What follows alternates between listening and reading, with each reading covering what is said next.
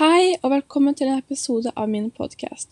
Jeg heter Marie, og i denne episoden vil jeg introdusere og fortelle om en komedieklassiker av Ludvig Holberg. Det er selvfølgelig stykket Eramus Montanus som er i fokus i dag. For at dere skal klare å henge med, deler jeg innholdet i tre deler. I den første delen vil jeg fortelle om komedien med fokus på bl.a. sjanger, kort om handlingen, tidsperioden, hovedrollene og forfatteren Ludvig Holberg. I hoveddelen vil jeg gå inn på en del i stykket som tar for seg, tar for seg temaet tro og viten, som jeg da har valgt som min vinkling. Så skal jeg diskutere hvordan denne tematikken viser seg i stykket, og helt til slutt vil jeg stille spørsmål om denne tematikken fremdeles kan være aktuell i dag, der jeg tar med noen konkrete dømmer fra stykket og dagens samfunn. Eramus Montanus er en satirisk komedie som ble utgitt for første gang i 1731, og er skrevet av den dansk-norske forfatteren Ludvig Holberg. Ludvig var født i Bergen og han jobba som professor i København. Han er kanskje den aller viktigste forfatteren vi har innenfor den dansk-norske perioden på 1700-tallet. Holberg er en sentral person i litteraturhistorien. Han er også kjent for å markere starten på essaytradisjonen. De mest kjente stykkene hans er Jeppe på berget og Eramus Montanus, og disse spilles fremdeles på teatret dag, den dag i dag. Selv om det er en satirisk komedie, mener jeg at den heller er mer mot en tragikomedie, og grunnen til dette vil jeg snakke om senere i podkasten. I satiren møter du på Eramus Montanus, som tidligere het Rasmus Berg. Han er en bondesønn av Jeppe og Nille og kommer fra Bjerget, som er en liten bygd på landet. Han har også en bror som heter Jakob. Han flytter til København for å studere teologi, latin og retorikk. Og når han er ferdig med studiene, flytter han hjem igjen til bygda, men han passer ikke helt inn i livet på landet. Rasmus har ikke bare fått utdanning i København, han har også blitt nokså innbilsk og overlegen. Han krever familie, venner og kjente skal begynne å bruke den latinske formen av navnet sitt. Ramus Montanus betyr helt enkelt Rasmus Berg på latin. Rasmus føler seg mer verdt enn i andre landsbyen, fordi de ikke kan disputere. Og han setter i gang de mest absurde diskusjonene bare for å vise at han er overlegen og bedre enn de andre. På denne måten får han de fleste i landsbyen mot seg. Disse konfliktene oppstår siden Erasmus har en sterk tro på vitenskap og fornuft, i motsetning, i motsetning til de andre menneskene i landsbyen. Det går faktisk så langt han ikke får lov av svigerfaren å gifte seg med sin store kjærlighet Lisbeth. Svigerforeldrene er gudfryktige folk som synes han driver med vranglære, men Erasmus nekter å gi seg. I slutten av stykket blir Erasmus tvinget til å bli soldat og må forlate landsbyen. Her blir han mørbanka fordi de vil han skal trekke tilbake påstanden om at jorda er rund. Til slutt må Erasmus gi tapt og innrømme at jorda er flat. Da får han sin Lisbeth, og alle i landsbyen er fornøyde. Selv om stykket er en typisk komedie, kan vi se et tragisk element i stykket. Rasmus blir nærmest en folkefiende når han mener at jorda er rund. Selv om han forteller en vitenskapelig sanning, blir han ydmykt på det groveste, og ingen vil tro på han. Han mister også sin verdighet når han blir trua til å bli soldat, og han vil miste sitt livs kjærleik om han ikke endrer sin mening om at jorda er rund.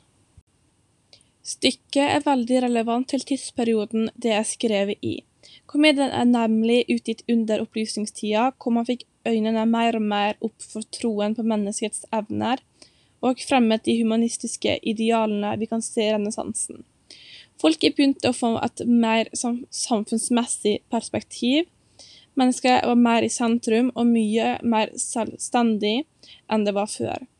Denne humanistiske tankegangen er hva Erasmus representerer i stykket.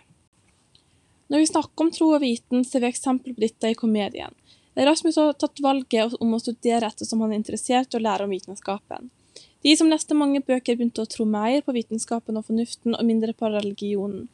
Rasmus ble en sterk tilhenger av vitenskapen og rasjonalismen, og ønsket å spre kunnskapen han satt inne med til de andre i landsbyen. Men han ble ikke tatt godt imot da han begynte å snakke om diverse konspirasjonsteorier. En av grunnene er at innbyggerne på Bjerget er tilhengere av epiremismen, som betyr at ingenting kan sies sant uten at det har, bevis. Det vil si at erfaringen er den eneste kunnskapskilden. Den store diskusjonen mellom Erasmus og de andre innbyggerne er når Erasmus sier at jorda er rund. Dette klarer ikke de andre i landsbyen å godta.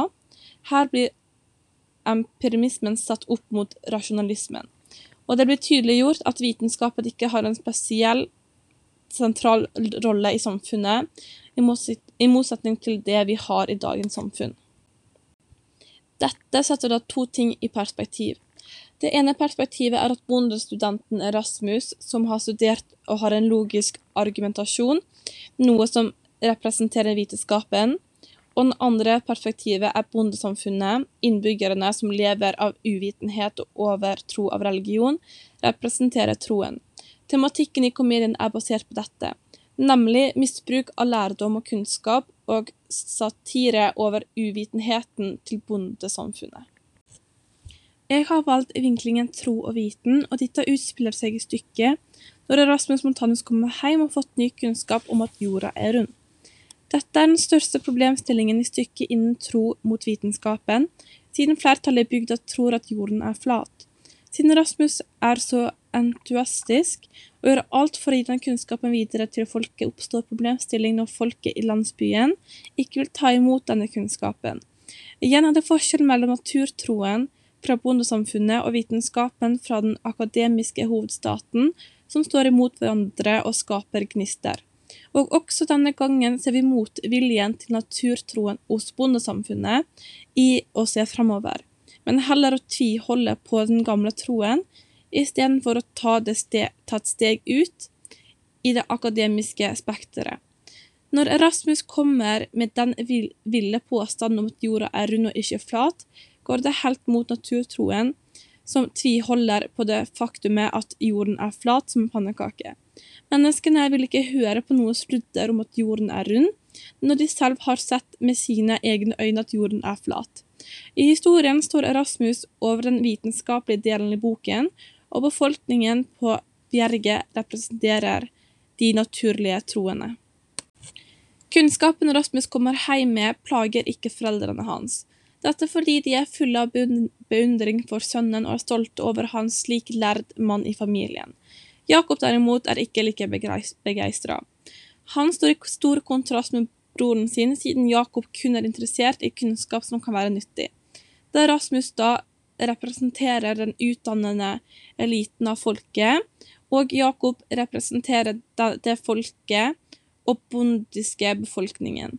Familien bryr seg heller ikke så mye om troen, som har et sterkt rotfeste i bygda. Men kunnskapen blir en trussel mot de fleste, i, de fleste troende i bygda, og kunnskapen til Rasmus kan også gjøre at bygdefolket føler seg krenka eller mindre verdifulle. De ser også på den, den nye vitenskapen som en trussel til sin egen tro, og som en konkurrent. Derfor setter de seg også så hardt imot den. Vitenskapen er noe nytt og truende, derfor må ideene undertrykkes, og alle de som tror må være med på den. Eh, aksepsjon er vanskelig, og holdningen bygden har overfor de store byene, som med kunnskap og lærdom og kommet lenger i utvikling, kan, kan også gjøre at de føler seg mindreverdige. Erasmus møter flere motstandere, og Perdein er en av de. I bygda blir Perdein regnet som en lærd mann fordi han tror han kan latin. Men sannheten er at han kun kan få noen, at han kan bare noen få latinske ord. Nå følger han opposisjonen hans er trua av Eramus og vil ha en ordduell med han. Dein klarer å bløffe seg gjennom latinduellen, og han vinner. Dette viser også at Dein ikke vil at Eramus skal ta over makten fordi han selv er maktsjuk. Erasmus kan ikke bare komme til bygda og yppe seg mot eldre og vise. Og det oppstår en kamp, maktkamp mellom disse to. Dein gjør alt for at ikke Rasmus skal være best i bygda, og han bruker også religion for å bevise at Ramus har feil. Den nye kunnskapen og lærdommen han hadde studert så hardt for, ville da han da vise. Men måten han fremstilte kunnskapen på, fikk han til å fremstå som en bedre vitende, og siden han snakka så mye om det, så ble den nye kunnskapen litt for overveldende for folkene i bygda. Han ville vise alle alt det han hadde lært, og var svært ivrig etter å markere den nye akademiske statusen sin, men det ble rett og slett for mye for folk, og folk ville ikke tro på han. Erasmus Montanus ble da sett på en med manglende selvinnsikt. Kunnskapen Erasmus representerer, er en trussel mot det religiøse samfunnet i den lille bygda. Religion er noe innbyggerne har til felles, noe som er viktig for å beholde et sterkt fellesskap. Siden Rasmus kommer hjem med ny kunnskap, en kunnskap som er imot den flertallet tror på, blir han da fremstilt som en trussel av bygdefolket. Jeg tror da en av grunnene til at Erasmus sine meninger blir så fort nedstemt av folket, er fordi bygda har en religion som sitt styresett. Blir dette da tatt vekk fra de, så blir denne kunnskapen så tar denne kunnskapen vekk noe som er viktig og grunnleggende for folket. Erasmus Montanus er et stykke som har en relevans til dagens samfunn med tanke på konfliktene som kan oppstå mellom vitenskapen og troende. I dagens samfunn ser vi dikotomi mellom mennesker som må ha vitenskapelig bevis for å tro, og de som bruker troen til å ha en tilhørighet. Vi ser at menneskene ofte har det vanskelig med å akseptere det som er nytt, og at vi har en uvane med å fordømme ting som vi ikke har fått noe vitenskapelig bevis på for å være sann. Der alt nytt kan føles som en trussel mot det allerede eksisterende. Dette ser vi også i stykket når Erasmus kommer hjem til bygda med en ny mening som er truende mot bygda sin allerede eksisterende tro og fellesskap. Konkrete eksempel der vi har kritiske tenkende mennesker i dagens samfunn, er da f.eks. klimakritikere, vaksinekritikere, innvandringskritikere, og vi ser at det fremdeles er noen mennesker som fortsatt tror at jorda er flat den dag i dag. Religion betyr fremdeles veldig mye i enkelte samfunn. Religion gir ofte en følelse av en tilhørighet og skaper et fellesskap mellom de som tror. Dette er noe vi ser tydelig i stykket Rasmus Montanus, der bygda har sin sterke religiøse tro og er redd at dette fellesskapet vil bli tatt ifra dem. Vi ser også at i dagens samfunn er det mer godtatt å ha en særegen identitet, Identiteten er den lille forskjellen på alle mennesker som lever rundt hverandre, og det er særegenenhetene som gjør dem til den vi er. I stykket det, i stykket er ikke dette akseptert på samme måte. Her skal alle te seg ikke den etikken og de normene som er vanlige i landsbyen, og ingen skal skille seg fra resten av folkemengden. Helt til slutt er det viktig å tenke på at dersom vi alle skal kunne klare å leve sammen, er det viktig at vi ikke dømmer hverandre ut ifra virken tro eller kunnskap. Det viktigste er at vi klarer å leve sammen og akseptere at vi, at vi vil aldri klare å være enige om alt.